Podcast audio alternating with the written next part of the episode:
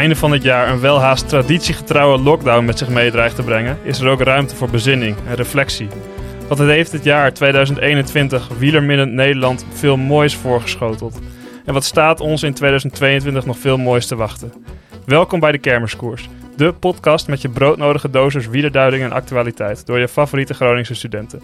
Mogelijk gemaakt door de mannen van KVM Media nemen wij op in de uiterst moderne studio aan de Groningse Paasdoltsweg. Ik ben Niels de Jonge, tegenover mij zitten Thijs van den Berg en Hey. twee bijzondere gasten. Stoker Leon, de flits van Snits Brinksma en piloot Fabian de Wolf. Hallo mannen, Wel, leuk dat jullie er zijn en welkom. Hoe Ja. gaat het ermee? Ja, goed. Ja? Ja, bij mij ook gewoon. eh ik moet nog even zeggen dat Ronald er niet is. Want ja, met vijf ver opnemen werd een beetje lastig. Dus eh, nou, die is er waarschijnlijk volgende keer weer bij. Ja, zeker. Ja, eh, vandaag eh, zullen jullie wel eh, horen dus inderdaad. Leon en Fabian zijn aangesloten. Ja, We zullen deze aflevering dus ook vooral in het teken stellen van, van hun wielerkwaliteiten, hun, hun carrière eigenlijk. En wat, ze, wat zij allemaal meemaken op de fiets. ja sowieso het wielerseizoen is natuurlijk al een beetje... is altijd een einde eigenlijk. Dus ja, dan is, dan is dit een mooi moment om toch leuke gasten te gast te hebben. Ja, zeker. Ehm, he- hebben jullie nog eh, spannende, leuke dingen meegemaakt deze week die jullie graag willen delen? Nou, ehm, ik heb deze week helaas niet eh, de fiets aangeraakt. Oh. Oei, dat is niet zo goed. Ik ben wel in een fietswinkel geweest in eh, Assen. Ja?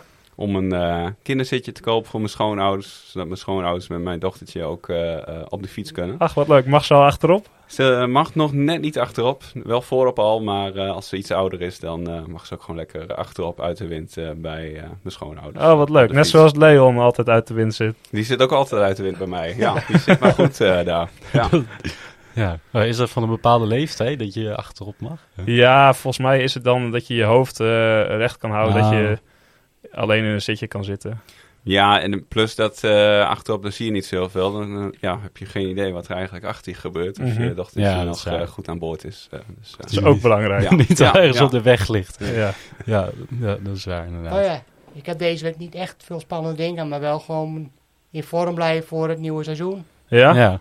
En, eh, nou ja, en eh, weer gewerkt bij, eh, bij mijn favoriete werk, uh, Browners Downies, in de keuken, Ja? En bij welk filiaal werk je daar? in eh Sneek. In Snake. En eh, is dat nog steeds open met alle maatregelen Eh, nu? het is nog wel open, maar we hebben dus wel een periode gehad dat we dus alleen maar moesten bezorgen. Mhm. En dat was, ja, dat was niet echt heel erg geweldig.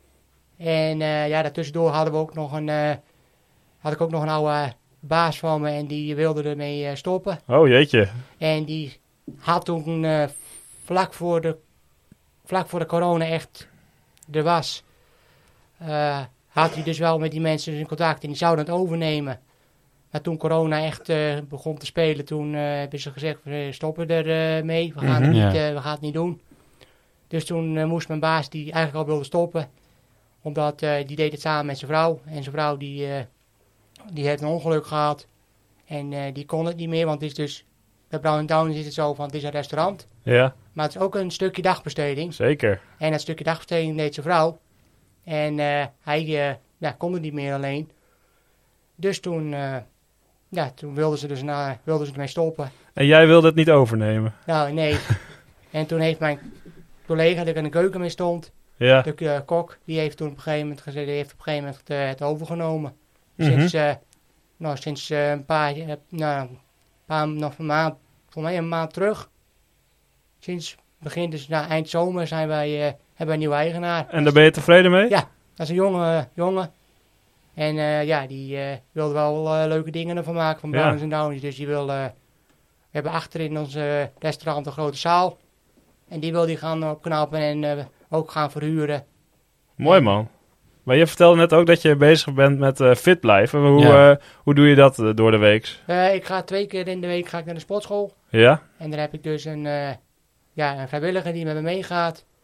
En dan ga ik dus krachttraining doen bij de sportschool. Mhm. Ja. Even misschien om eh, uit te leggen voor de luisteraars. Want je hebt een, je hebt een visuele en een lichte verstandelijke beperking. Toch? Eh, ja, dat klopt.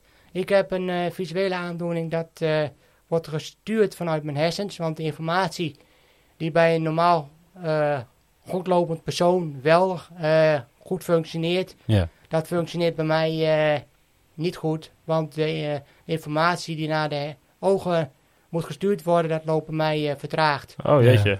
Dus de snelle beelden, dat zie ik niet. En ik zie in mijn rechteroog zie ik eh, maar 40% en links maar 10%. Oh ja. En in totaal is zo 50, maar die moet je weer door midden halen. Dus ik zie het, eh, in de werkelijkheid zie ik maar eh, 20%.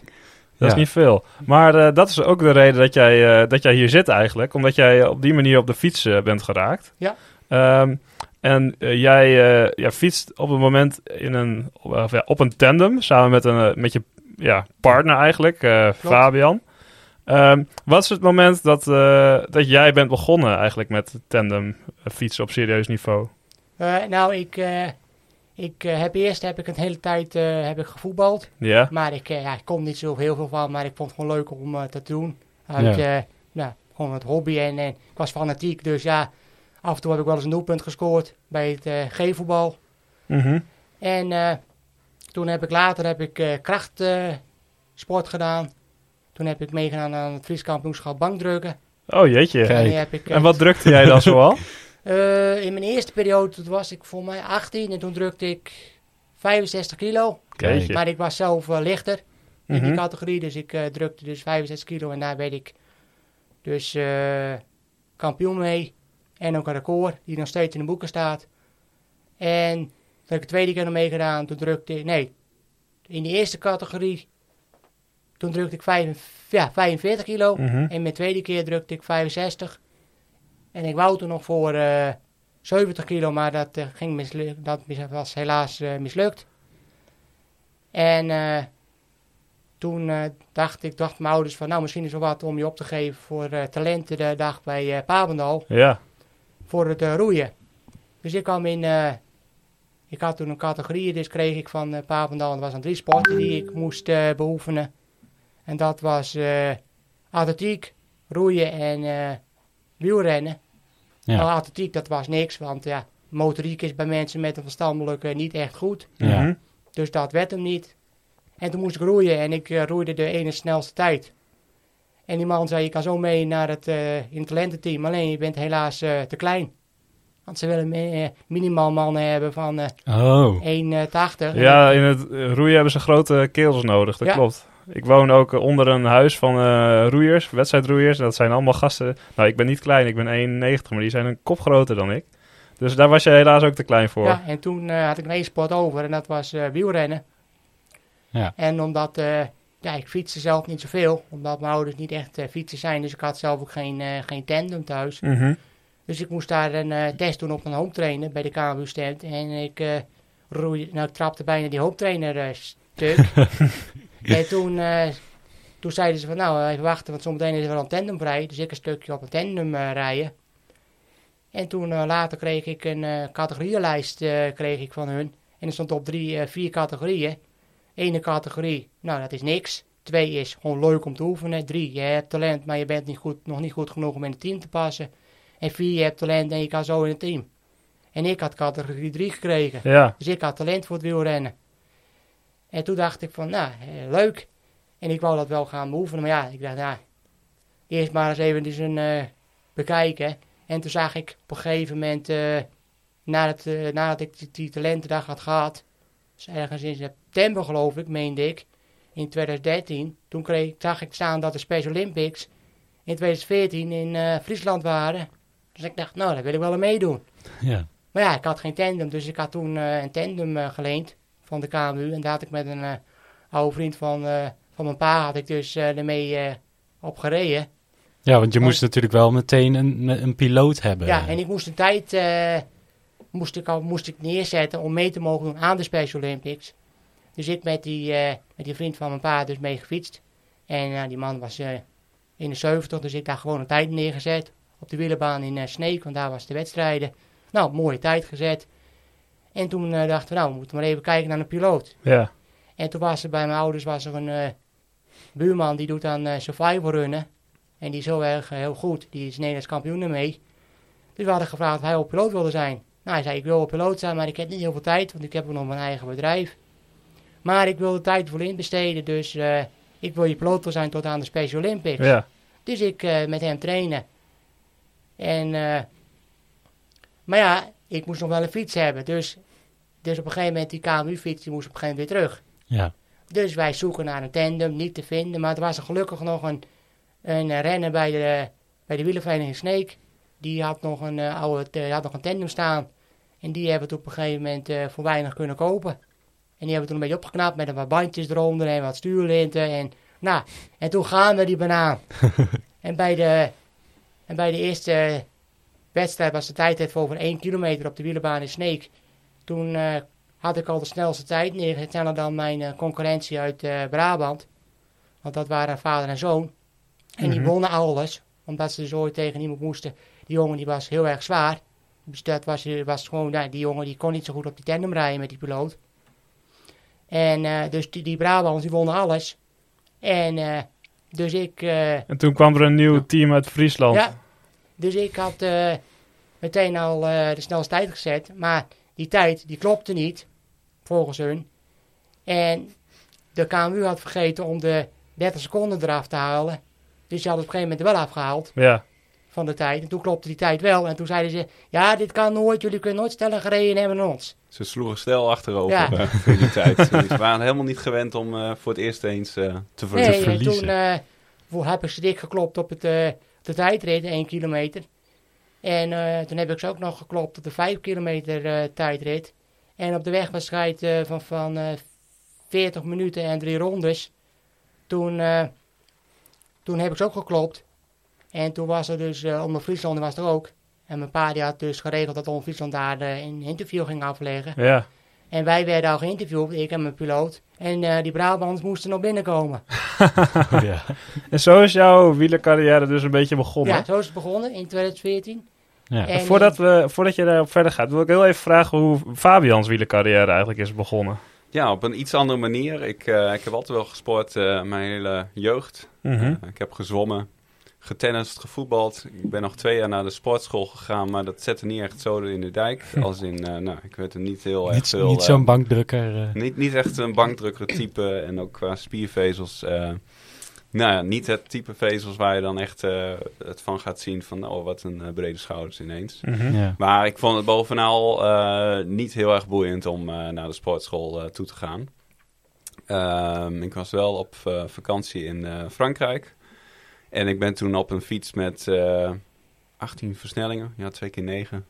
Ben ik eens eh, een berg op gaan fietsen. Dat leek me wel wat. Mhm. En ik vond het eigenlijk geweldig om te doen. eh, het klimmen, zeg maar. eh, het genieten van het uitzicht en weer hard afdalen. En ik dacht, nou, op een racefiets moet het nog mooier zijn. Mijn broer die was net al begonnen met, met wielrennen. En nou, in, in navolging van hem heb ik ook toen een racefiets gekocht. En heel snel lid geworden van de studentenwielervereniging eh Tandje Hoger. Ja, Ro- toen- toen Ronald, onze compaan, die is er ook eh, lid van, ook in het bestuur gezeten. Dat is eh, volgens mij een hele mooie vereniging. Ja, ja, absoluut. Dat eh, ben ik helemaal met hem eens. Nee, ik, ik, het is heel erg in sneltreinvaart gegaan. Ik heb een paar trainingskoersjes gefietst. En al snel een wedstrijdlicentie eh, genomen bij de amateurs. Ook eh, die trainingskoersjes rond de Corpus? Of Ja. was dat het toen? Ja, ja. de- ja, eigenlijk Corpus, eh, het eh, rondje asfalt rondom de voetbalvelden waar praktisch geen bocht zit. Dus je Mhm. hoeft Ja. in wezen nooit eh, te remmen. Elke donderdagavond eh, nou, was dat toen eh, vaste prik. Ik ben ook snel in het bestuur gegaan eh, van 2007 tot 2008. En eh, nou ja, dat was eigenlijk gewoon mijn sociale leven en ook het sportleven, zeg maar. eh, Ja. Een mooie combinatie. Ja, ja, studeren stond helaas wel van iets eh, minder eh, pitje daardoor. Maar eh, nou, ik heb er wel van genoten. Dat snap ik, ja. Maar dan ben je ook in je studentenleven en dan heb je ook andere prioriteiten natuurlijk. Ja. Eh, en hoe ben je dan eh, daarna het uh, ja, tandemfietsen eh, leren kennen? Ja, ik denk dat het ergens in eh, 2011 misschien wel is geweest dat een eh, vriend van mij, eh Jelte Krol, die ook een eh, fietsenmaker is hier in de stad, Ja. eh, dat hij al eh, eh, via de KMU eh, eh, op de tandem zat. Die, die eh, zat al bij de categorie paracycling en die had daar hele mooie verhalen over. Eh, dus toen mijn eh, carrière een beetje richting de herfst eh, dreigde te raken eh, en ik ook eh, afgestudeerd was en aan het werk was, eh, ben ik een beetje rond gaan kijken en oriënteren. En toen ben ik ook via eh, de KWU eh, in het tandem wielrennen beland. En ben je toen meteen met Leon in aanraking gekomen? Of had je Nee, nog een andere partner? Eerst nog niet. Ik had een andere partner, Tommy van der Einde. Daar heb ik een, een hele leuke koers mee gefietst hier in het noorden van het land. De Healthy Aging Tour. Ja, Dat was een etappekoers van eh, drie etappes. dat is een hele mooie eh, ronde volgens mij. Er waren ook de, de vrouwen die daar eh, Ja. destijds aan meededen. De vrouwen die hebben dat nog steeds als wedstrijd hier in het noorden. En Ja. de paracycling categorie is helaas weer nou ja, van de baan, zeg maar, van het programma af. Helaas. Maar dat was een geweldige ervaring met een proloog in Heerenveen en nog twee etappes in het Groningerland. Eh, en uiteindelijk stopte die jongen, helaas. En nou ja, toen zat ik ook eigenlijk zonder nou, stoker. Mhm. Ik ben toen gaan rond gaan kijken. ehm, en op Facebook eh, kwam ik eh, Leon Brinksma tegen. Die was toen op zoek naar een eh, piloot. Ja, want wij hadden het net eh, met jouw ouders ook al even over Leon. Jij hebt eh, meerdere malen, eh, nou, of meerdere piloten gehad. Eh, je hebt ook meerdere malen een piloot gezocht. Ehm, hoeveel piloten heb jij eigenlijk gehad in jouw carrière? Nou, ik heb eerst eh, van 2016 is het echt, nou, echt begonnen. Want Ja. 2005 had ik een piloot, maar die eh, heb ik twee wedstrijden, ja, twee mee gereden. En toen had ik een trainingsweekend van mijn categorie. Ik rijd bij de categorie paracycling, ID-cycling. Ja. En Wat, eh, waar staat ID-cycling voor? nou, ID is, eh, is afkorting voor mensen met een verstandelijke beperking. Mhm. En dat is een categorie voor mensen met een verstandelijke of eh, meervoudig. Dus ze kunnen ook meervoudig zijn, maar dan moeten ze wel een verstandelijke hebben. En dan kun je bij die categorie rijden. En is een categorie, daar rij je dus gemengd. Dus het is eh, tussen eh, de, ja, het is de solo-renners en tandems in één categorie. En dan kunnen ook wel eens, eh de zit er ook eh, de drie wielen bij. Dus die kan je ook erbij hebben. En is het dan niet heel eh, gek dat je met z'n tweeën tegen één iemand fietst? Nou, nou nee, kijk, wij zijn ehm, op het lange stuk zijn wij het voordeel van een eh solo-renner. Maar een solo-renners in de bochten zijn hun sneller dan wij. Maar wij moeten in de bochten steeds afremmen. En Ja, als het een parcours is die wel met bochten is waar we wel doorheen kunnen jagen met de tandem, dan ja, daar zijn we wel, zijn we wel eh, even gelijk. Maar anders moeten we steeds bij de bochten afremmen en dan moeten wij uit de bocht weer aanzetten. Ja, ja, dat klopt. En het komt nog wel eens voor bij wedstrijden dat ze vaak kiezen voor een eh, wielerbaan op een sportpark. En dat staat, staat toch vaak gelijk aan een heleboel bochten. Over anderhalf kilometer, eh, vier haakse bochten bijvoorbeeld. Of nog een Ja. hairpin eh, erin. eh, noem maar op. Dus ja, het is wel leuk uitgezocht. Ehm, ja, we moeten best wel veel bochten nemen tijdens, tijdens de koersen. Het zijn niet de klassiekers van eh 60 kilometer rechtdoor en dan omdraaien en weer terug, zeg Ja. maar. nee. Daar, daar is geen sprake van. Ehm, dus ja, het is wel, eh, om ook nog met eh, de woorden van eh Liewe Westra te spreken, het is nog geen kattenpis om op zo'n tandem goed de bocht door te gaan. Dat, Nee, dat vergt wel begrijp echt eh, oefening voor als piloot. Want eh, ja, je hebt ook nog met Leo Westra inderdaad gefietst. En jouw moeder gaf al aan dat, dat hij het nog wel lastig vond om, om die rol te bekleden. Om- Nou, hij is natuurlijk een hele vaardige eh, wielrenner. Maar het, wat maakt het lastig om eh, met z'n tweeën op een fiets te zitten? Nou ja, je moet, eh, ten eerste moet je wel met elkaar ingespeeld zijn. En eh je zit met elkaar aan één ketting vast. Dus je moet wel allebei in hetzelfde cadans rijden. Want als mijn piloot bijvoorbeeld 60 km per uur kan fietsen, maar de stoker kan maar 50, dan rem ik de piloot af. Maar als die piloot de stoker niet aan kan, dan remt hij dus, de stoker af. Dus je moet wel samen in één, ja, één, ja, samen in één snelheid eh, rijden. En eh, ja, dus je moet wel in dezelfde cadans eh, rijden, anders dan eh, Ja. lukt het niet. Dus eigenlijk gaat het er niet per se om dat je een hele snelle man hebt die je voortstuurt. Maar dat je eigenlijk in hetzelfde, of op hetzelfde niveau elkaar eigenlijk net eh, raakt. Ja, eigenlijk is het gewoon in principe eh, 1 plus 1 is 3. Ja, Als je elkaar, eh, als je evenveel eh wattage trapt, zeg maar. Wattage, dat is een soort uitdrukking van hoe hard je fietst. Mhm. Ja. Als je allebei inzet op eh, 200 of 300 watt, dan, dan ga je echt goed vooruit, zeg maar. Maar als het een eh, eh, laag in de hartslag wil blijven en de andere zit hoog, zeg maar, dan zit je elkaar toch een beetje tegen te, te wringen. En eh, dat is stukken minder efficiënt. Maar ook nog met de besturing van eh, een tandem. Het is een, eh, een, een groter gewicht natuurlijk, zo'n hele tandem. Mhm. De lengte is ook veel groter vergeleken met een solo fiets. Dus eh, je moet behoorlijk eh, gericht proberen de tandem in te sturen met een bocht. Ja. En dat vooral ook vasthouden en niet naar de, naar de buitenkant laten drijven. Dat gebeurt toch wel een beetje automatisch, maar nou ja, goed, de, de bocht vooral eh door. Maar moet je dan de, de bocht juist heel eh, breed insturen en dan eh, eh, ja, snijden? laten insturen en eh, ook scherp insturen en dan hou je de bocht eh, meestal wel. Meestal wel, Ja. oké. Ja, ja. Maar toch, als je... Ik weet niet of je echt wel eens in een echt peloton fietst of zo. Want dat Ja. lijkt me dan Ja. toch wel echt lastig als je allemaal renners om je heen hebt. Ja, je hebt natuurlijk de kans eh, om als eh eh, tandempiloot de andere eh solo-coureurs ook wel af te snijden. Ja, die, Ja. Dat eh, gevaar zit erin. Maar aan de andere kant, ja, zo gaat het toch in het wielrennen. Dat, Dat is ben ik ook eh, gewend van mijn solo-carrière. als je stuur eenmaal voor het andere stuur hebt van iemand anders, dan, eh, ja, Ja. dan heb je het voor het zeggen. Dan kun je die andere gewoon rustig opzij drukken. Zeker. Dan krijg je misschien nog iets naar het hoofd eh Ja. Ja. geschreeuwd. Ja. Ja. Dus inherent aan het wielrennen. En eh, ja, wat Thijs net aanhaalde, het peloton. Waar bestaat jullie peloton eh, voornamelijk uit? Hoe groot is dat? Of Nou hoe, ja, hoe moet ik dat het- zien? Kijk, het was, in het begin was het wel van 20 man. Ja? Maar ja, het, het, het, het is de laatste jaren veel uitgedund. Want ja, de KMU die heeft, eh, die heeft er wel eh, ja, geprobeerd om het op de kaart te zetten. Het is sinds, nu sinds twee jaar dat er nu een eh, officiële categorie is. Want voorheen was het nog niet echt een categorie bij de KMU. Hoorde er wel bij, maar ja, eigenlijk ook weer niet. En eh, ja, de meeste renners kwamen, voorheen uit Zeeland, want daar is het ontstaan. En, eh, maar die zijn allemaal vertrokken. En de bekendste renner bij ons, dat was Jonathan Duinkerken. Die heeft ooit, in, nou, ooit bij eh, Matthijs van Nieuwkerk in de uitzending gezeten.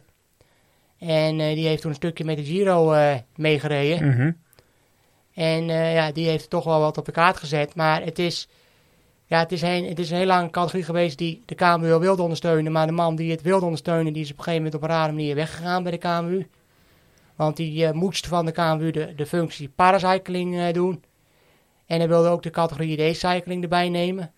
Maar dat mocht hij op een gegeven moment niet meer doen. Dus toen is hij op een gegeven moment daar weggegaan. En toen was er niemand meer die bemoeide met, eh, ja, met. En eh, in het begin jaar dat ik nog reed met mijn eerste piloot in 2016, waar ik mee begonnen ben, echt. Toen, eh, toen was het dus heel veel gestuurd met regels. En ook al. Maar eigenlijk wil je ook wel zeggen dat de, de laatste jaren het peloton qua grootte wat, wat minder is geworden, hè? Ja, Het is wel, eh, nou ja, we hebben in 2019 en 2020 ook nog wel wat wedstrijden gefietst. Dit jaar nog eentje. Ja. En eh, we hebben ook wel eens een wedstrijd gehad dat we in een pelotonnetje van 20 zaten ongeveer. Eh, Mhm. ik denk dat heel veel meer ook niet de veiligheid bevordert. Met Paralympische discipline tandem wielrennen. ja. Daar is het peloton ook niet super groot. Dan moet je ook niet met eh 80 man. eh, Nee, iedereen heeft natuurlijk net iets meer ruimte nodig. Ja, ja, klopt. Dus eh, ja, qua, qua peloton is het wel ietsje aan het afnemen. Maar de, de wielenbanen eh, die, die vergen ook eh, eh, wel wat stuurmanskunsten. En die, die kunnen ook niet eh superveel eh, een groot peloton zeg maar aan. Nee. Mhm. Oké.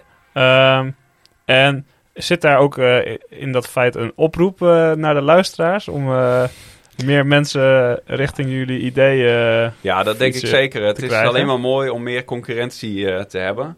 Eh, hoe meer concurrentie, hoe leuker het ook eigenlijk wordt, zeg maar. Eh, als je ergens hard voor strijdt en je weet toch nog te winnen, dat Ja. geeft eh, de meeste voldoening, zeg maar. Daar Ja. alleen maar beter van ja, natuurlijk. klopt. ja. Maar die, die, die andere tandem eh, uit het zuiden van het land eh, is helaas al eh, sinds dit jaar eh, afgehaakt.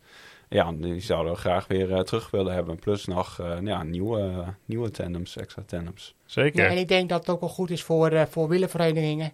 De grote dan in eh, Groningen, maar ook in, in, Dre- in Drenthe. Die is er al mee bezig. Maar ook andere provincies. Ik vind dat die ook gewoon meer moeten doen voor paracycling in de breedte. Want bij ons dunt het uit met de, de renners. Maar in eh, de gewone paracycling dunt het ook uit. Want ja, de tandemcategorie waar mijn piloot Fabian eh, heeft mee gereden, die is eh, nou, inmiddels eh, gestopt. Die andere jongen waar Fabian mee gereden heeft, die fietst ook niet veel meer. En er is laatst is nog een, eh, een stoker eh, gestopt met eh tandemwielrennen bij de KMU. Dus ja, het dunt wel echt uit. Er zijn nog maar weinig eh, ja, renners over. Je hebt eh Tristan Bangma nog. van de tandems. En eh Vincent Verschuren nog. En ja, dat is het dan wel. En je hebt nog een paar eh, handbikers. R- Rick Veldkamp nog Ja. uit Rode. Maar dan houdt het ook wel op met de tandems. En Ik Ja. heb wel weer eh goede hoop dat na de volgende Olympische Spelen en Paralympische Spelen in Parijs... dat dan wel Ja. weer een nieuwe groep, een nieuwe lichting zich eh, gaat melden. Voor sommigen die, wilden nu al eh, wel naar Tokio toe, bijvoorbeeld. Eh, Rick Veldkamp uit mijn hoofd. Eh, maar die legt echt zijn focus wel eh, meer op eh, Parijs. Die, die is ook nog maar net onderweg, zeg maar. Mhm. die heeft ook wel met een oud prof gefietst. Rick Flens. Ja. Die heeft bij Jumbo-Visma, of eigenlijk het vroegere Rabobank, gefietst. Ja, ze, ze werken toch wel toe naar een Olympisch jaar. Om dan echt gewoon te pieken, zeg maar. We hebben nu net de Olympische Spelen gehad. Eh, dus met andere woorden, dit zijn weer de jaren van voorbereiding. En ja, het grotere doel eh, komt er voor eh, de mensen bij eh, paracycling weer aan. ja. En wat is, eh, wat is voor jullie dat grote doel? Waar werken jullie naartoe? Nou, ik denk dat wij eh, graag ook wel een keer naar de Special Olympics eh, willen. Hè? Om daar, dit, dit jaar was het helaas in een soort trainingsvorm dat het door mocht gaan vanwege de, de COVID-beperkingen.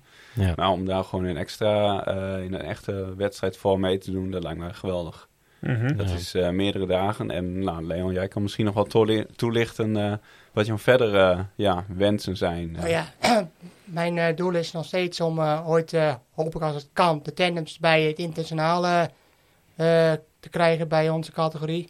Want Mhm. je hebt ook internationale Paralympische Spelen. Want ik eh, heb zelf wel geprobeerd om bij de gewone Paralympische Spelen te zitten. Maar ja, dat kan helaas voor mij visueel kan dat niet. Nee. Dat ze dat niet kunnen eh, meten. Dus daar kon ik daar niet bij.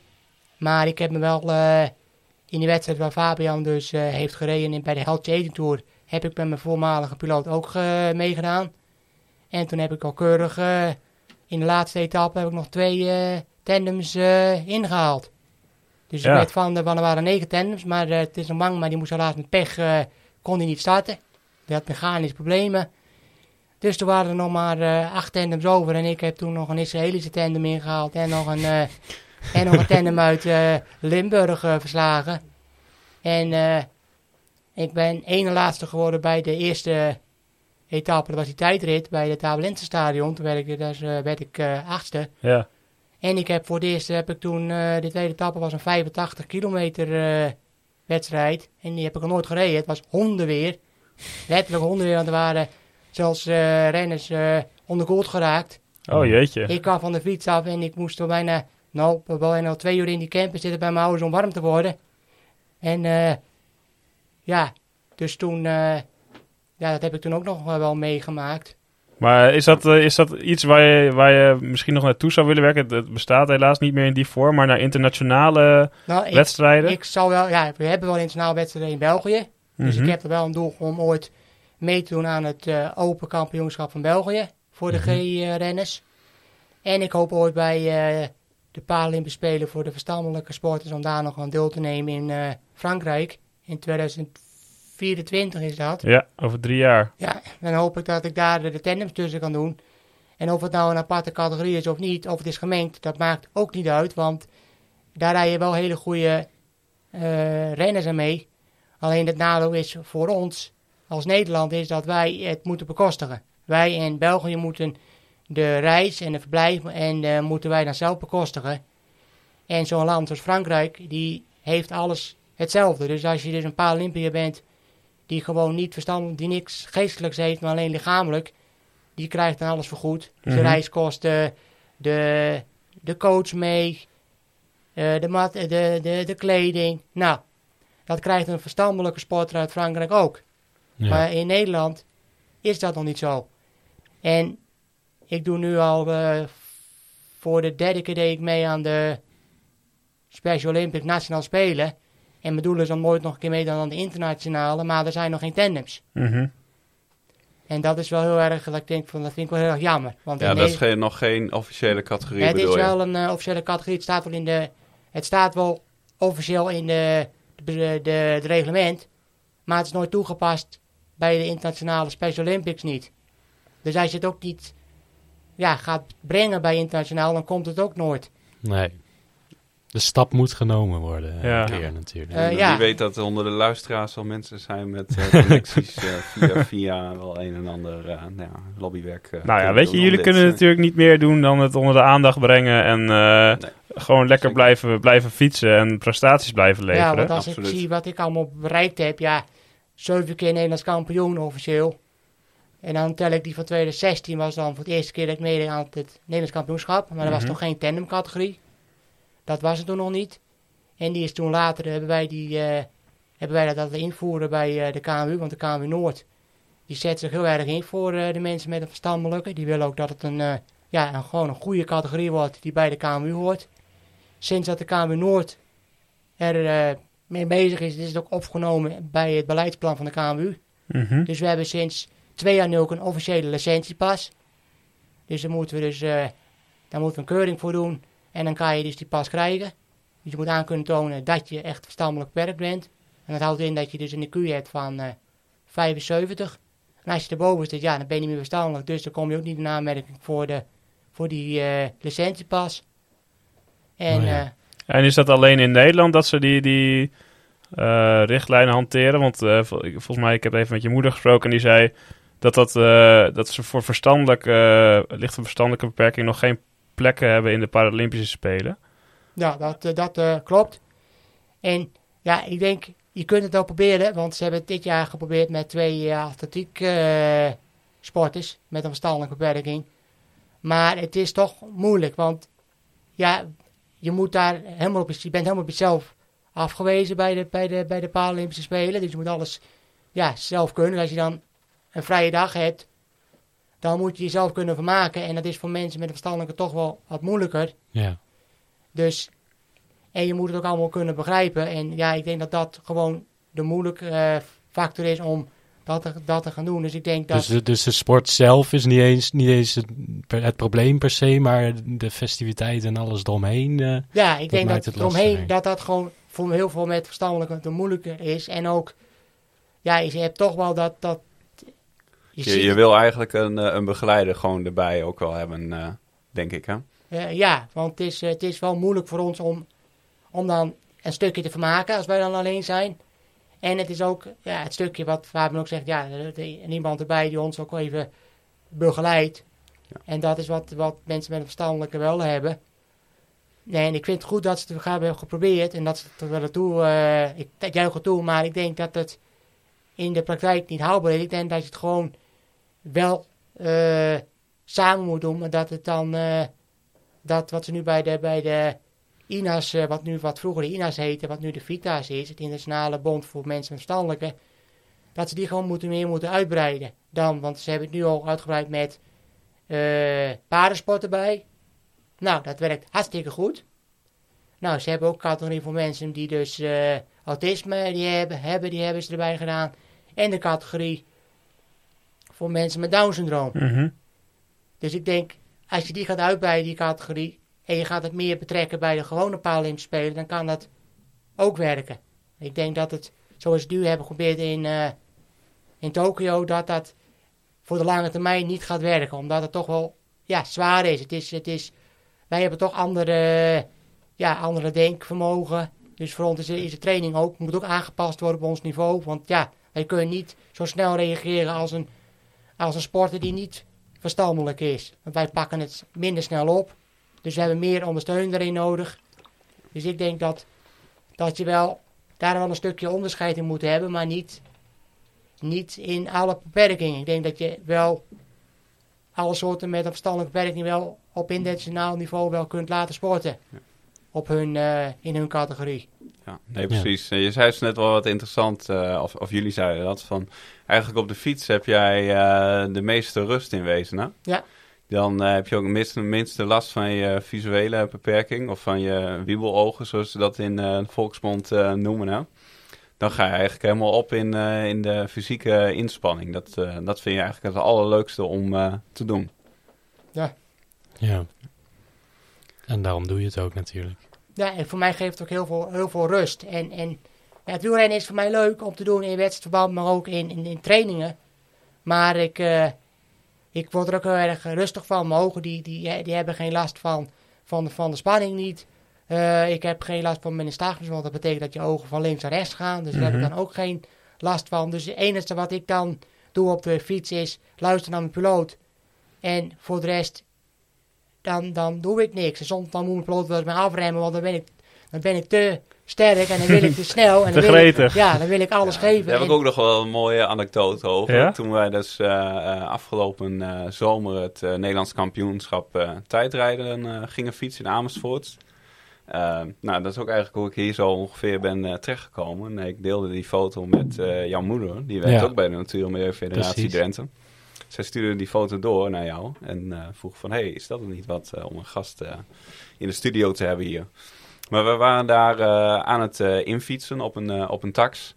En voor ons was eigenlijk gewoon niet duidelijk hoe laat we exact zouden gaan starten. Oh jee. idealiter, ja, wil je gewoon eventjes een half uur gaan intaxen volgens een schema. En dat je Mhm. dan echt nog maar vijf minuten, nou ja, een soort van kan uitfietsen. En ook gewoon warm van start kan gaan. Maar ja, die tijd die werd ons maar niet gegeven. Dat schema werd niet van tevoren bekendgemaakt.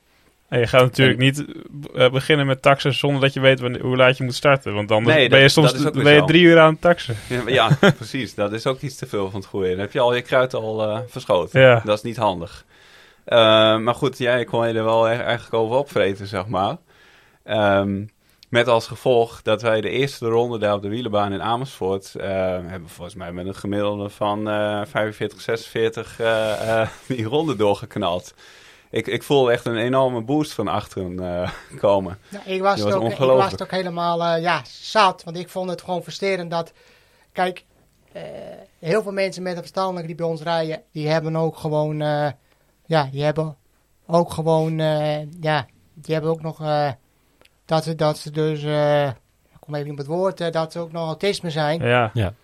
En dan Nee, is het niet handig als je geen structuur Nee, geeft. ik, Nee, ik heb nee. zelf ook nog een beetje Maar tegelijkertijd was dit dus eigenlijk een eh, best wel mooie bijkomstigheid. Dat, dat er zoveel energie zich had eh, opgehoopt in jouw benen. Dat we de eerste ronde dus met 46 gemiddeld eh, er doorheen eh, vlogen. En die, die rondjes, nou, kakte wel iets in, maar we bleven hard genoeg eh, rijden. We hadden sowieso de snelste ronde van de dag. Eh, maar ook de snelste tijd overal eh, eh, van alle Ja, je zijn kampioen Dus, geworden. ja. Ja, we Ja, zullen nog wel even wat eh, foto's delen in de, op de Ja. social media van ons. Want het zijn erg mooie foto's. Ook eh, op jouw website eh, staan er wat eh, gave plaatjes van. Ehm, maar eh, ehm, gebeurt dat vaak eh, dat je je echt kan opwinden en dan zoveel energie in je, in je fietsen kan gooien? Ja, dat, eh, dat kan ik zeker. En eh, ja, ik, ik, ik vind het... Kijk, ze, ze willen mij al de hele tijd hebben bij die categorie. Want ze willen dat ik dan... eh, eerst was het zo van, ik mocht wel een piloot hebben... maar die moest aan een bepaalde eisen voldoen van licentie. Mhm. Dus die mocht geen amateur zijn. En die mocht ook geen eh, elite zijn. Dus eigenlijk moest iemand zijn van pluk hem van de straat en rijd daar maar mee. Want En om de- een beetje duiding te geven aan alle licenties die er zijn. Je hebt natuurlijk gewoon beroepsrenners. Beroepsrenners A en B. Mhm. Ja. Dat zijn de profrenners. Daaronder zitten eigenlijk elite rens. Dat zijn jongens die nog door willen stromen. Of ook wel de, de belofte jongens. Daaronder de, de amateurs. Dat zijn de, de fanatieke eh, hobby wielrenners. En dan heb je nog de sportklasse. Dat is de laagste licentieklasse die er is. En daaronder heb je eigenlijk eh, niks. Dan heb je geen licentie en kun je of heel slecht zijn of heel goed of wat er tussenin zit. Maar de, de, de hoogste licentie die dan de piloot eh, mocht hebben voor jou, dat was een eh, sportklasse licentie. Nou, dat Dus eigenlijk de laagste licentieklasse. De laagste licentieklasse. Nou ja, en ik ben op een gegeven moment ook op sportklasse niveau eh, beland. Maar dat was helemaal niet erg, want eh, ik mocht daardoor wel met jou eh, gaan fietsen. En ik denk dat het ergens in te- 2019, april was, eh, dat ik mijn eerste wedstrijd met, eh, met Leon zou gaan fietsen. En eh, nou, ik wist niet wat mij overkwam, want iedereen ging best wel hard van start. Met, met zo'n tandem is het nogal lastig om snel op te trekken. Maar eenmaal hadden we wel de, de gang er goed in. Maar er was er een andere solo-renner, een Belgische renner die heel erg goed was. Die was al een paar keer weggesprongen. en eh, nou, ja, ik had niet gedacht dat wij eh, eh, dus eh, bij hem in het wiel konden blijven. Dus ik ben blijven zitten in het peloton. Ik dacht, nou, het is, het is aan een andere om, om erachteraan te springen. Zeker omdat jullie ook voor het eerst echt samen fietsten Ja. misschien. Dat was de eerste keer samen op de, een wedstrijd. En in de laatste ronde sprong hij er weer vandoor. En er kwam geen reactie vanuit het peloton. En toen dacht ik van, nou, we hebben nu nog een half rondje te gaan. Ik denk dat het nog ongeveer twee kilometer is. En toen heb ik eh, Leon eens even flink opgezweept. En mezelf ook trouwens. om nog even gewoon alles eruit te gooien. Leon, die, die kende het parcours wel. Die wist van, nou, er is nog één bocht eh, te gaan. En ik dacht ook van, als die bocht nou heel hard doorgaan... Wie weet eh, zien we wel waar we stranden. En wie weet kunnen we nog wel kloppen. En het mooie was, we, we, we, we reden boven de 50 per uur op die renner af. Op de koploper eigenlijk. En hij begon al te juichen 10 meter voor, voor de finishlijn. En eh, Een op, op anderhalve meter van de finishlijn eh, hebben we hem ingehaald. Ik had, had geen tijd meer om de handen in de lucht eh, te steken voor de finish. Na de finish uiteraard wel. Maar eh plotsklaps hadden we onze eerste koers eh, samen eh, daardoor gewonnen. Op Ah, een ja. prachtige manier dat ook was nog. echt eh, geweldig. Ja. Ja. dat is ook eigenlijk de, de mooiste overwinning die ik met Leon eh, heb behaald. Ja? Op deze manier. Ja, en, dat, En het allermooiste misschien wel was dat die Belg... eh, dat hij eh, nou, een soort van woedeaanval kreeg. Die was echt gewoon boos. wij, wij, wij zouden niet op deze manier eh, zo mogen winnen. Terwijl hij al aan het juichen was. Ja. het Ah, ja. ja. Ja. Maar goed, met andere woorden, je moet altijd gewoon door blijven gaan tot... eh, Ja, tot dit, streep. hè, dit soort dingen hebben we al vaak besproken, want dat gebeurt in het profwielrennen ook nog wel eens, dat iemand al te vroeg juicht. Dus Ja. eh, Ja. dat zijn eigenlijk wel de mooiste momenten als het met een renner gebeurt die, waar je niet voor bent. Ja, dat vond ik wel een mooi moment. Want ja, dat was, eh in België hebben ze alle, kan- eh, alle mensen die dus verstandelijk zijn of iets hebben met een beperking, die worden in één categorie gezet. En die man die, eh, die had dus, eh, ja, die was verstandelijk eh, niet geboren, maar die was het geworden met een ongeluk. Die had een ongeluk gehad, Oh, een ja. verkeersongeval. en, eh, maar die kan wel de koers lezen. En dan vond ik het heel mooi dat wij van die jongen hadden Hij gewonnen. kon dus niet geno- goed genoeg lezen om nog even die 10 meter door te sprinten. Ja, ik snap ook niet waarom hij ging juichen, maar de finish was er nog niet. Maar wij hebben toen eh, in Ja, nou, er zat wel, denk ik, een gat van 50, misschien nog wel 100 meter tussen ons in op een gegeven moment. Dus eh, hij was al lang vertrokken, zeg maar.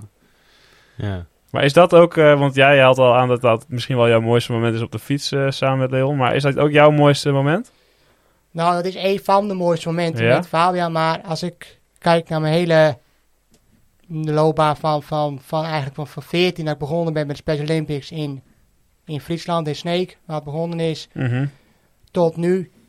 Dan zijn mijn mooiste herinneringen toch wel eh, dat ik de Heldse Eetcultuur mocht meemaken. Mhm. Dat ik toch kon laten zien, iemand met een verstandelijke beperking, was de enige deelnemer met een verstandelijke beperking die mee mocht doen.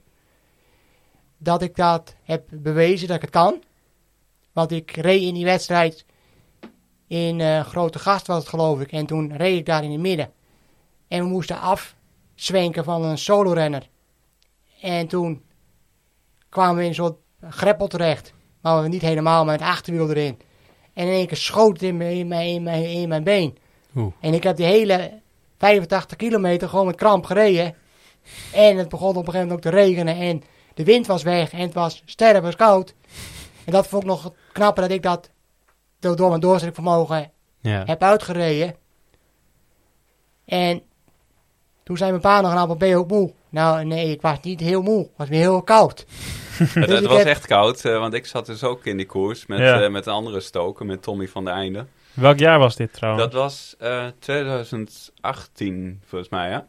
18 jaar, klopt. Ja, 2018. Toen eh, de, de paracycling categorie er nog bij in zat, bij die dameskoers. Eh, na afloop eh, gingen Tommy en ik in mijn auto ons eh, omkleden, eh, weer warme kleren aandoen. Nou, ik had eh, ondertussen de motor al gestart. Nou, dat is slecht voor me, dat kan ook eigenlijk echt niet. En, eh, en de kachel op 28 eh, gezet. En nog steeds hadden we het nog niet warm. En eh, het mooie was, we stonden daar voor een verzorgingshuis. En een, een, een dame die, die kwam op haar balkon staan. En ze, ze had de koers gevolgd vanaf haar woning. En ze zei, jullie zijn helden dat jullie met dit soort weer gaan, gaan fietsen. En een wedstrijd fietsen. En toen we- hadden we een doos Merci gekregen van die dame. En die hebben we dus in Een auto doos met wat? Doos Merci. Oh, merci. Ja, ja, oh ja, dat, is, eh, ja. dat gaat er altijd in natuurlijk. ja. Maar Dus, eh, eh, trouwens, jullie hadden het net even over, over juichen. Maar Fabian, dan kan je als, kan je als piloot wel je beide armen in de lucht? Of is dat toch een beetje ja, lastig? dat, eh? dat kan wel. Als je genoeg druk op de pedalen hebt, dat, dat gaat wel goed. Ja, ja, je, je, je stuurt eigenlijk gewoon met, ja, met, je, met je lichaam, Ja, met je, ja, met je ja, zaal. ja, dus ja. dat kan zeker wel. Oké. Mooi. en we worden steeds behendiger op de fiets. In, in trainingen proberen we ook na de bocht eh, tegelijk te gaan staan. Zodat we ook in de wedstrijden gewoon weer ex- explosief eh, uit de bocht kunnen komen. Ah, Oké, want, want eh, hoe, hoe trainen jullie eigenlijk? Hebben jullie een trainer of maken jullie zelf je programma's? Hoe, hoe werkt Ja, dat? en eigenlijk maken we zelf onze programma's. Ik probeer geregeld met Leon samen te trainen. Nou, dan ga ik naar Leon zijn ouders toe. Leon is er dan ook. En dan gaan we voor een uurtje gewoon eh, lekker trainen. De ene keer is het een duurtraining, de andere keer is het echt een gerichte tijdrittraining. Waar, ook, eh, waar ik eh, gewoon wat blokjes probeer toe te passen. En dan zeg ik van nou, we gaan nu even vijf minuten op omslagpunt fietsen. En dan weer twee minuten rust. En dan weer de volgende Ja, vijf. een soort interval inderdaad. Ja, ja. ja. En we zaten even natuurlijk op die site te kijken. En zagen ook al een mooie, mooie of, nou, we zagen ergens die mooie foto van de, van de fiets. Die toch wel, eh, nou ja, dat is eh, de Friese vlag, toch? Ja. Eh, maar zo'n zo fiets, als je zo'n goede tandemfiets... Jullie zeiden al, ja, we moesten wel toch wel aan sleutelen toen we voor het eerst een... want ja, ik neem niet aan dat, ze, dat je zomaar een, een race tandem, zeg maar, op, op internet kan kopen. Eh, nee, dat is best wel eh, moeilijk te, te vinden, want ik heb eh, inmiddels twee race tandems. En die ene had ik mazzel mee dat ik die kon kopen bij, van, van een lid van, van de wielervereniging uit Sneek. Die had het nog staan. En de tweede die heb ik toen via een ex-Paralympier kunnen overnemen. En Oh, dat ja. was wel via Marktplaats. Maar ja, het is best moeilijk om aan zo'n eh race tandem te komen, want er zijn maar weinig eh, bouwers die het nog maken. En maar Ja. een paar met merken, nog twee geloof ik nog, die het nog doen. En er is eentje bij die eh, doet het alleen op aanvraag. Dus ja, het is karig om aan een race tandem te komen. Maar het is ook heel moeilijk om aan een gewone stadstandem te komen. Want er zijn verschillende Ja. soorten tandems tegenwoordig. Zijn, geen, eh, ze zijn vouwtandems, er zijn eh, nou, de gewone stadstandem, er zijn eh mountainbike tandems, eh, er zijn duofietsen. Maar dat is een categorie fietsen die eh, nog niet veel eh, verkocht worden. Dus er zijn er ook weinig ja, fietsenbouwers en merken die dat, die dat eh, gaan doen. En, en onze eerste training samen op de wielenbaan van Sneek, dat was ook nog wel spannend, hè? Want eh, jouw tandem is volgens mij een maat eh 60, 64 vooraan en 60 achteraan. En ik eh, paste eigenlijk gewoon niet eens op de fiets. De, het zadel stond veel te hoog, terwijl het Oh, zadel ja. in de laagste stand eh, stond.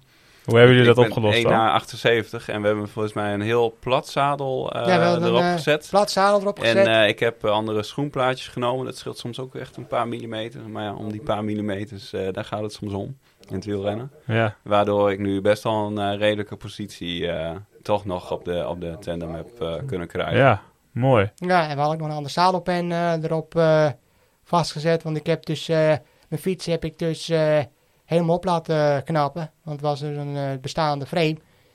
En eh, ja, het frame zoals je het nu op de website ziet staan in de Friese vlagkleuren. Die, zo was het frame niet, want die is allemaal geel en, en, en, en blauw en wit. En eh, ik vond die mooi, dus op een gegeven moment dus je hebt het zelf maar wat aan gedaan. Nee, op een gegeven moment heb ik, heb ik eh, toen heb ik dus eh, een spat spuitbedrijven benaderd of ze mijn eh, fiets wilden spuiten vanuit maatschappelijk verantwoord ondernemen en eh, sponsoring. Ja. En toen was er een spuitbedrijf in, eh in Sneek, die wou het wel, wou het wel doen uit eh, sponsoring. Met een prachtig resultaat. Ja. Met een prachtig resultaat. Wij hebben een keer eh, meegedaan aan de Ronde van Hank in de Biesbos. En daar was eh oud-renner Stef Clement, de koersdirecteur. En Mhm. die, eh, Kijk, die noemde onze fiets, onze tandem, echt eh, de mooiste fiets van de koers. Eh, dat, dat vond hij echt wel Oh, wat, dat is een mooi compliment. stoer, ja. Dat is wel een prijs aan zich, eh, van Ja, Stef ja. Clement natuurlijk. Dus ja, en, en een mooie fiets, daar doe je natuurlijk ook op. Ik ben zelf een eh, Groninger, dus... eh, maar, ja, dat, dat dacht ik ook ik, al even aan. Ja, ik... eh, Kan er mee ik leven. accepteer, ik kan er wel mee leven op zo'n fiets. En verder, ja, we hebben ook nog dus een tijdritfiets. Ook in de Friese vlag eh, kleuren. En hebben jullie dan ook andere- eh, beugels voor de tijdritfiets? Ja, eerst, eerst eh, dus alleen voorop. Mhm. De andere piloot van Leon, dat is Benny van der Kooi.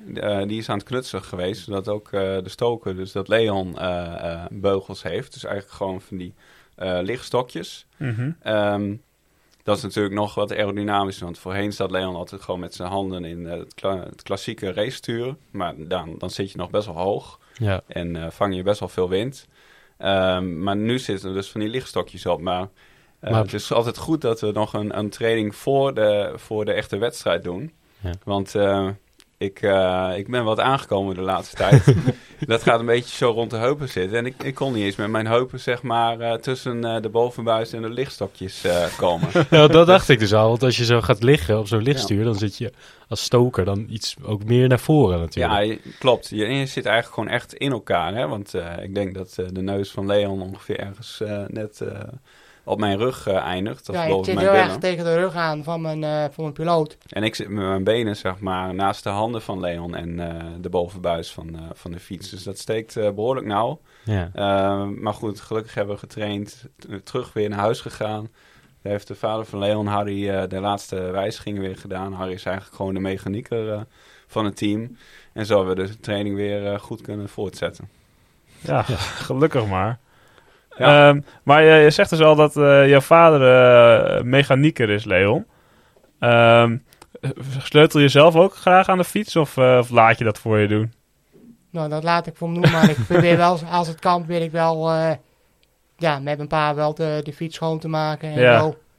En, nou ja, en ik probeer zelf ook, ja, dingen te, te, te, te- te kijken wat ik kan regelen. Dus sponsoring heb ik bijna, de alle sponsors die op mijn website staan, heb ik allemaal zelf eh, geregeld. Mhm. En eh, ja, daar ben ik ook wel erg trots op. Ja. En eh, ja, zo hebben we misschien volgend jaar heb ik weer een nieuwe verrassing, maar dat komt nog op de site. dus er komt nog een verrassing aan in 2022. Dus, hou dus het- eh, iedereen moet blijven, blijven kijken. Ja, dat hou Anders, ik anders nog, mis je het. ja, dat hou ik nog geheim. Mhm. Dus het komt er eh, volgend jaar op. Ja, en hou Kan de website kan, in de geen, gaten. kan je ook geen hint geven? Nee, Nee. nee. nee Gewoon, eh, gewoon de Facebook volgen ja, van gewoon het Frieske Facebook Tandem volgen Team. en eh, Twitter volgen en, en de website. Dan, eh, dan komt het daar al op te staan en dan kun je het eh, zien. En zijn er ook nog... ehm, nou, we hebben het net al even gehad over, eh, over het eh, mee kunnen doen aan wedstrijden en eh, nog concurrenten. Maar zijn er ook nog eh, andere dingen waar bijvoorbeeld luisteraars of geïnteresseerden jullie mee kunnen helpen?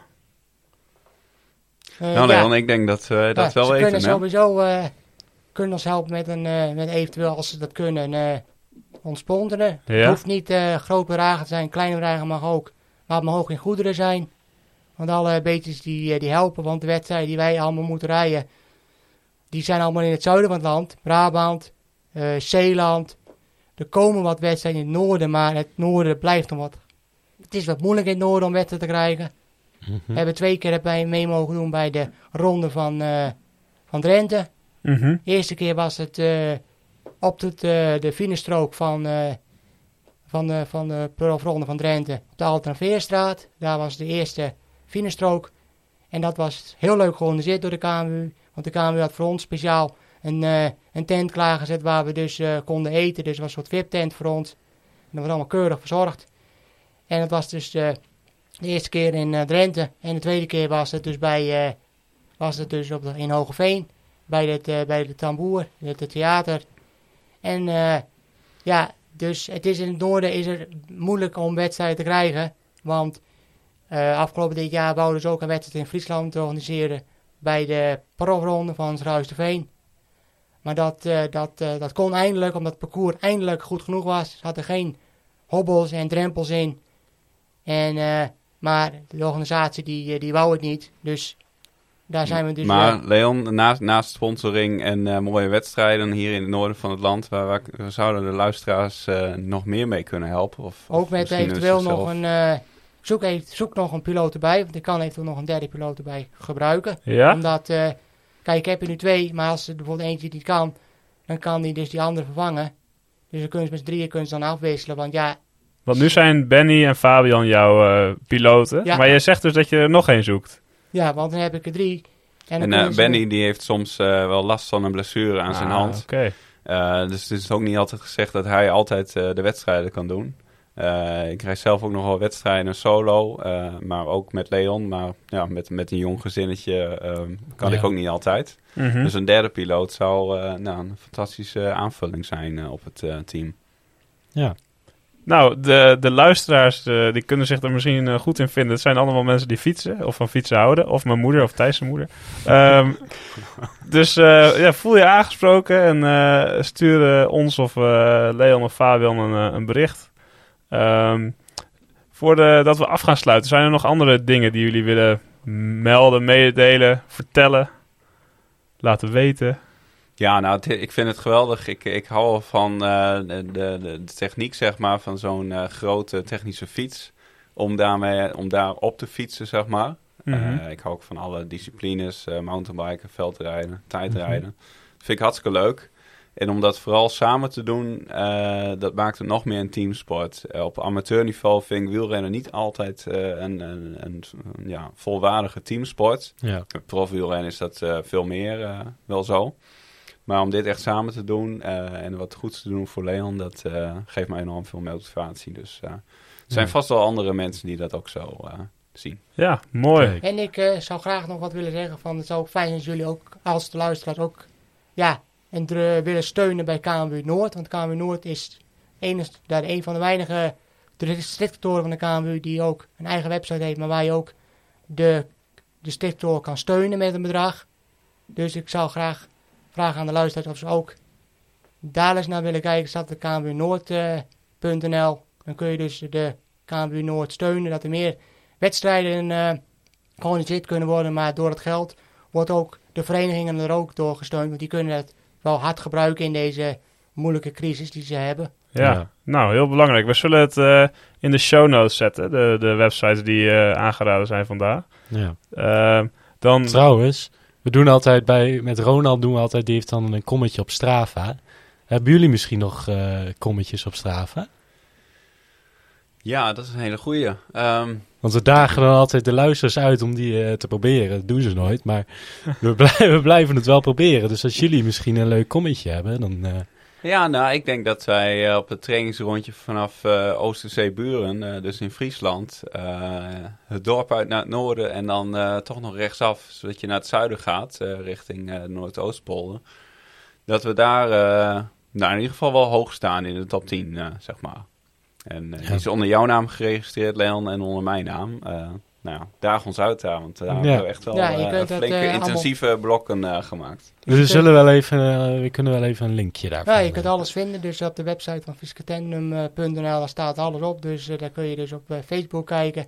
Dan kun je naar Twitter en je kunt ook naar Strava. Ja, ik had een Strava linkje al gevonden inderdaad. Dus uh, dan uh, is, ja, is het een uitdaging voor de luisteraars om uh, jullie te kunnen verstaan. Kijken of dat lukt. Ja, en vooral uh, wat ik het, nog het bijzonderste vond. En dat schiep nu er binnen van, ja? mijn, van dit jaar. Dat was de trainingsrit van de Special Olympics. Die waren in, uh, Den, die waren in Den Haag. En die wielenbanen zaten helemaal vol met bochten. Echt.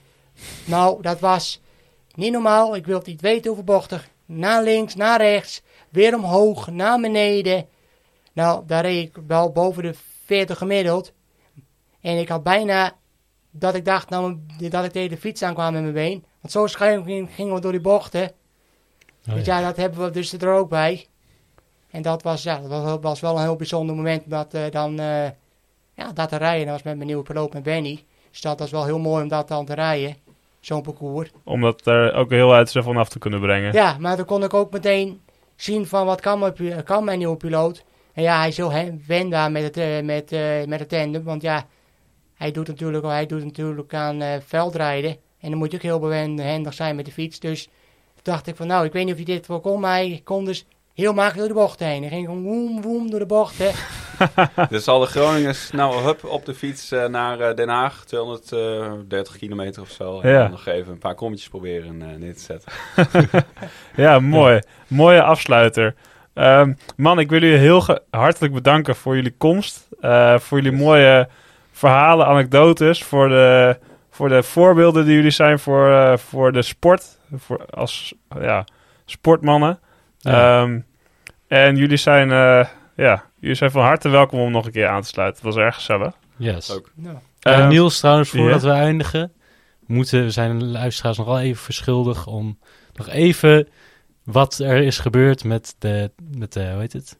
De kapstok. Oh, met de, de vorige kapstok. aflevering. Ja, ik, dat uh, daar weten jullie misschien niet, maar uh, ik, heb, uh, ik ben ook een volleyballer. En ik, Ik eh, ben eh, dit jaar eerstejaars in mijn volleybalteam. En dat betekent dat ik de feutenkapstok mee moet nemen. Dat betekent eh, dat ik een kapstok naar iedere wedstrijd mee mag brengen. Zo'n grote barkapstok. En die neem ik dan op de fiets mee naar, de, naar het Aklo Sportcentrum. Maar hij is, eh, gelukkig, ik ben gelukkig niet de enige eerstejaars. Ivar die is eh, nu de houder van de kapstok. Dus hij wordt nu gewisseld. Dus, eh, Maar geen straf voor... eh, nee, geen straffen. Want hij was hem kwijtgeraakt. Ik was hem kwijt. Geen straf. Hij is nu weer eh, terecht, gelukkig. En als je nog een groen, eh, of nee, sorry, een blauw-gele kapstok door het centrum ziet fietsen, dan ben ik het waarschijnlijk. Oké.